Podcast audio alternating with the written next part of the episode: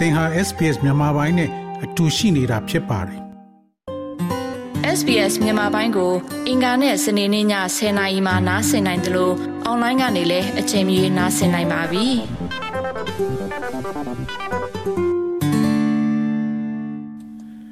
ဒေါက်တာထွန်းအောင်ရွှေခင်ဗျာအခုလိုကျွန်တော်တို့ SBS မြန်မာပိုင်းစီစဉ်နဲ့ဆွေးနွေးပေးမဲ့အတွက်ကျေးဇူးအများကြီးတင်ပါတယ်ပထမဆုံးအနေနဲ့ဒေါက်တာထွန်းအောင်ရွှေကဘယ်သူလဲဆိုတာနည်းနည်းမိတ်ဆက်ပေးပါ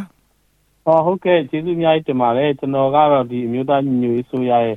ဩစတြေးလျနိုင်ငံဆိုင်ရာကိုယ်စားလှယ်တာဝန်ထမ်းဆောင်နေတဲ့သူတယောက်ဖြစ်ပါတယ်ထွန်းအောင်ရွှေပါဒေါက်တာထွန်းအောင်ရွှေအခုမြန်မာဆေးအာနာရှင်ကနေပြီးတော့သူတို့ချိန်ညာချက်ထုတ်ပြန်ပါတယ်ဒီစစ်အမှုထမ်းမထမ်းမနေရဆိုတဲ့သူတို့ထုတ်ပြန်ပါတယ်အဲနဲ့ပတ်သက်ပြီးတော့ဘယ်လိုများမြင်ပါလဲ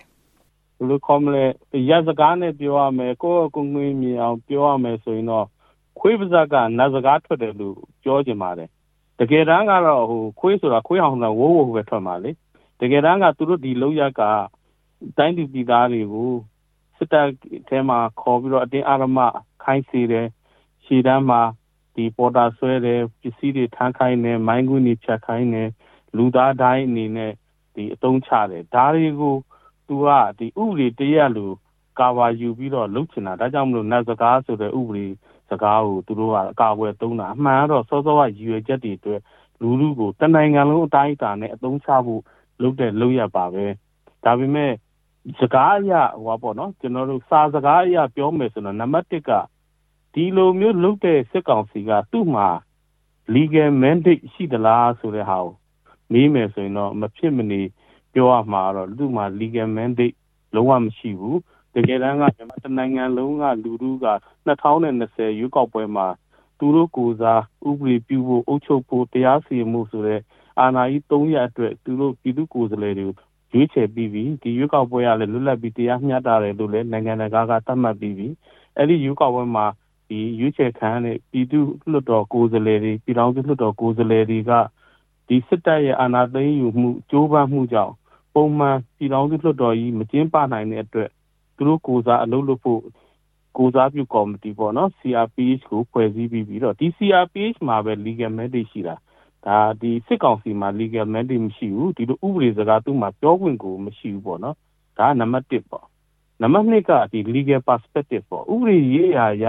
ကြည့်မယ်ဆိုရင်ဒါဟိုရေးဘူးရရှုတော့ပေါ့နော်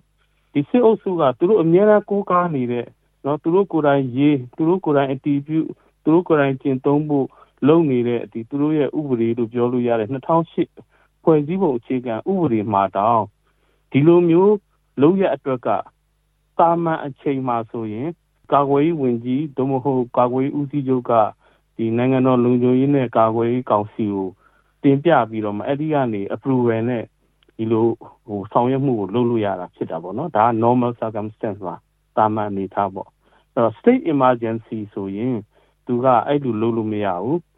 ဘယ်လိုခေါ်မလဲ state emergency မှာဒီစစ်ကောင်စီကလုပ်ဖို့ဆိုတာဒီသူစထွက်လာတဲ့အာဏာသိမ်းလုပ်စင်တဲ့ကိုက2008ဖွဲ့စည်းပုံအခြေခံဥပဒေကိုစန့်ကျင်ပြီးတော့သူကအာဏာသိမ်းခဲ့တာသူ့ရဲ့ဆောင်ရွက်ချက်တွေကဘာမှဒီ2008နဲ့မကိုက်ညီတဲ့အတွက်ကြောင့်ဒီ2008ဖွဲ့စည်းပုံကလည်းအလိုလိုပြည့်ပြည့်ပြီးသားဖြစ်တယ်ပေါ့နော်ဥပမာအဖြစ်သမရကိုဖမ်းဆီးတယ်ဆိုတာစစ်တပ်ကဖမ်းခွင့်မရှိဘူးလွှတ်တော်ကပဲသမရကိုရေးယူလို့ရတယ်ဒါအောင်စစ်တပ်ကဒီမတရားဖမ်းဆီးတယ် ပြီးတော့ဒုတိယသမရကိုယာယီသမရလုပ်ပြီးတော့မှလုံအဲကာလုံးကိုခေါ်တယ်အဲ့တော့ဒုတိယယာယီသမရဒီဒီကာလုံးကိုခေါ်ခွင့်လည်းမရှိဘူး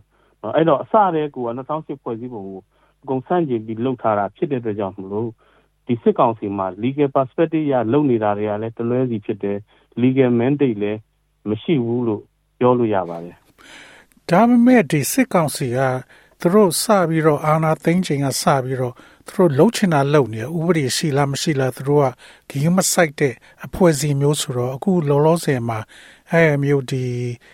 စစ်ထဲဝင်ရမယ်ဆိုပြီးတော့အမျိုးသားဆိုရင် session နဲ့ကနေ35နှစ်အမျိုးသမီးဆိုရင် session နဲ့ကနေ29နှစ်ဒါတွေကိုပထမဆုံးအတုပ်ကလူ9000ခေါ်မယ်လို့သိရပါတယ်။လူ9000ကအခုသကြံပြီးလို့ရှိရင်ဧပြီလလယ်လောက်မှာစမယ်လို့ပြောပါတယ်။အဲ့တော့ ဒါမျိုးအခုလောလောဆယ်မှာဒါမျိုးလူတွေကိုလိုက်စုတဲ့ဥစ္စာကလည်းကျွန်တော်ကြားနေရတချို့ဆိုယထာဘောကယထာဘောမှာလို့အသက်အရွယ်ငယ်ငယ်ကောင်လေးဆိုအတင်းဆွဲလို့ယထာဘောခုံချရတာတို့ဗာလေဒီနေသွားတဲ့ဘတ်စကားတွေပေါ်ကနေဆွဲချတော့ဘာလို့စလုံနေဆိုတော့ဒီပြည်သူလူထုအနေနဲ့ဘာများလုပ်လို့ရပါလဲအဲလုံနိုင်တာတွေကတော့အများကြီးပါဗျအရင်ဆုံးတော့ဆရာစောစောပြောတဲ့ချက်လက်တွေကမှန်ကန်တယ်နောက်ပြီးတော့မှ ဆရာစောစောကကနဦးဒီလမ်းကြောင်းချသွားတဲ့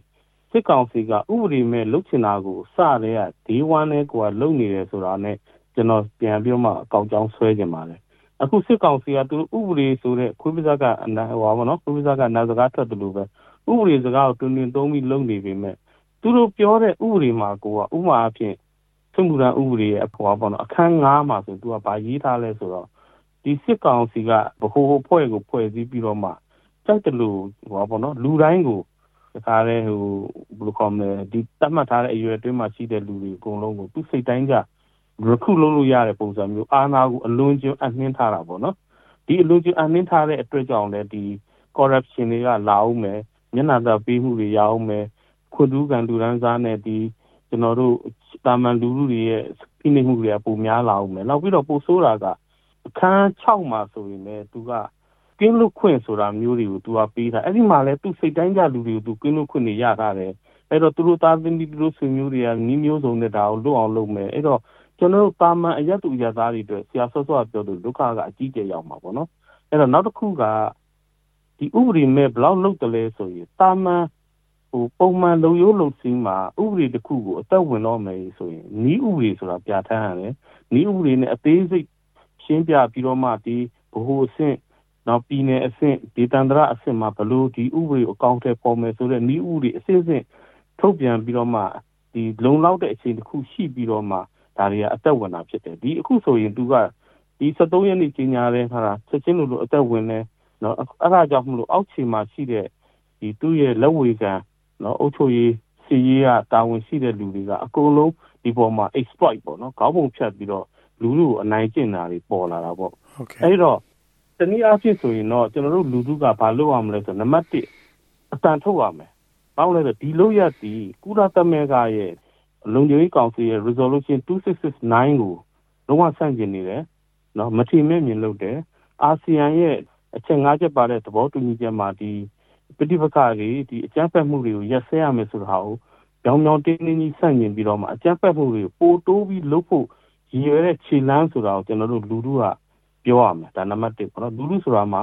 ပြည်တွင်းကလည်းပြောရမယ်ကျွန်တော်တို့ဩစတြေးလျမှာလို့ရောက်နေတဲ့ပြည်ပရောက်မြန်မာအဖွဲ့တွေကလည်းကိုယ်သက်ဆိုင်ရာနိုင်ငံအစိုးရတွေသိအောင်ကျွန်တော်တို့ပြောရမယ်နံပါတ်2ကတော့ဘာလုပ်ရမလဲဆိုတော့ဒီစစ်ကောင်စီရဲ့မတရားချေလည်မှုမှာခံရမဲ့လူငယ်တွေအတွက်ကိုကျွန်တော်တို့အကာအကွယ်ပေးရမယ်အပြည်တွင်းမှာဆိုရင်လည်းအမျိုးသားညီညွတ်ရေးဆိုရနဲ့သက်ဆိုင်ရာမဟာမိတ်တွေကလည်းဒီလူငယ်တွေကိုဘလို့အကာအကွယ်ပေးမလဲဒီလိုမတရားဒီလှုပ်ဆောင်မှုတွေကနေပြီးတော့မှ ရှောင်ရှားနိုင်အောင်ဘလို့ protection တွေပေးမလဲဆိုတဲ့အစီအမံတွေကျွန်တော်သိတော့လဲစာလဲစာနေပါပြီလုံလဲလုံနေပါပြီဒါကိုလုံကြရမယ်နောက်ပြီးတော့အခုကျွန်တော်တို့လိုဩစတြေးလျဆိုရင်2021ဩစတြေးလျရဲ့ဒီတကောင်စင်းအရာဩစတြေးလျနိုင်ငံမှာမြန်မာနိုင်ငံသားမြန်မာ passport ကိုကင်ဆောင်ပြီးတော့နေနေတဲ့လူကလူ2000ဝန်းကျင်ရှိတယ်ပေါ့နော်အဲ2000ဝန်းကျင်မှာအခုအသက်15နှစ်ကနေဒီ34နှစ်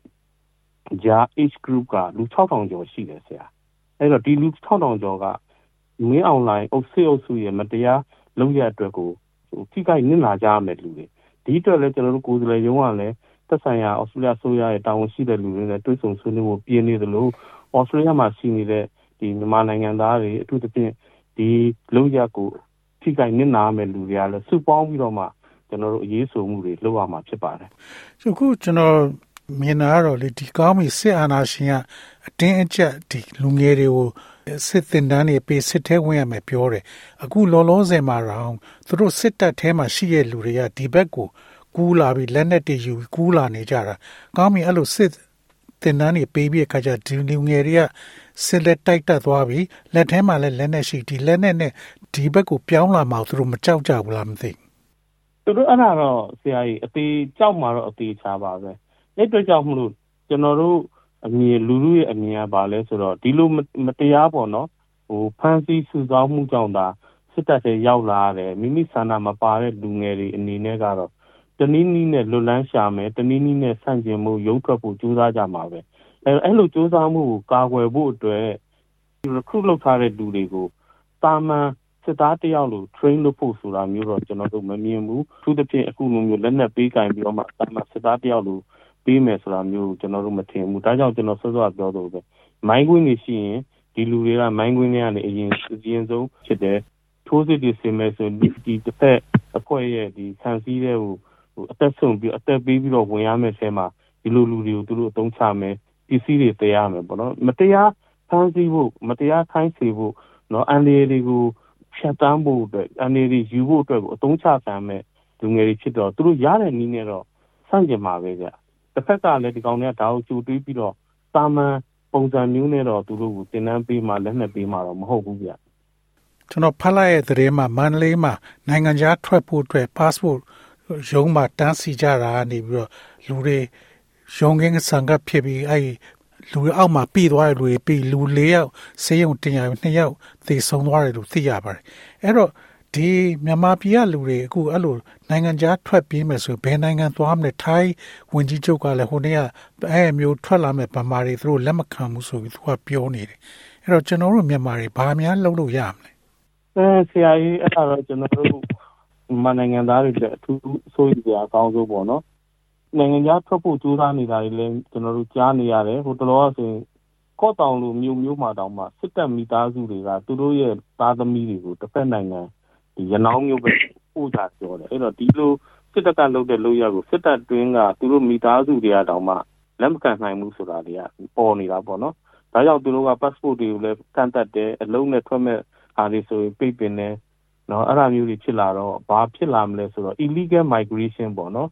အဲ့တော့တရားမဝင်နေစားဖြတ်ကျော်ပြီးတော့မှသွားရမယ်ဒုက္ခတွေတွေတိုးလာမယ်အဲ့တော့အဓိက destination ကတော့ဒါထုံးစံအတိုင်းထိုင်းနိုင်ငံဖြစ်မယ်ဒါကြောင့်လည်းထိုင်းကဒီရေးကို ကြိုမြင်လို့သူတို့ကလက်ခံပါဘူးပြန်ပို့မယ်ဆိုတာတွေလုပ်တယ်သူတို့ border security လည်းတင်းကျပ်လိုက်တဲ့ကြောင့်မလို့ကူးလာတဲ့မြန်မာတွေနေ့စဉ်နှီးပါးလောက်အဖမ်းခံရတဲ့တည်င်းတွေထွက်လာတယ်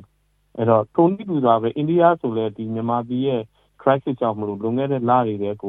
သူတို့ရဲ့ free movement ကိုကန့်သတ်တော့မယ်မြန်မာနဲ့အိန္ဒိယနယ်စပ်မှာ transfer ခတ်မယ်ဆိုတာတွေကြားတယ်ပေါ့နော်အဲ့တော့ဒုတိယ destination ကတော့ဒါ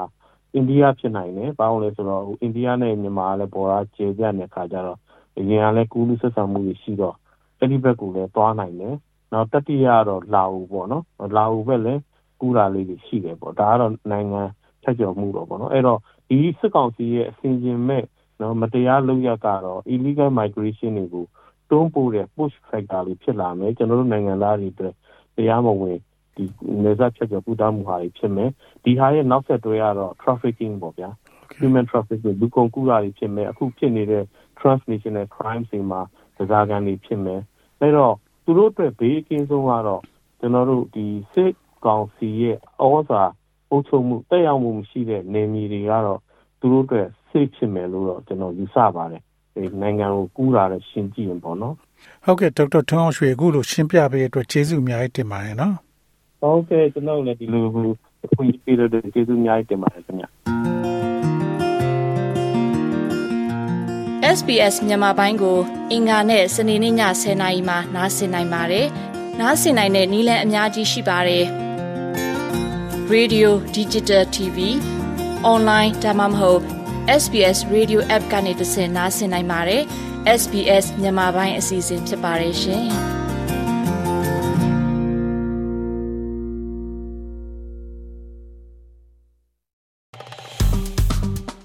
SBS မြန်မာပိုင်းကို Facebook ပေါ်မှာ like ရှာပြီး like မျှဝေမှတ်ချက်ပေးပါ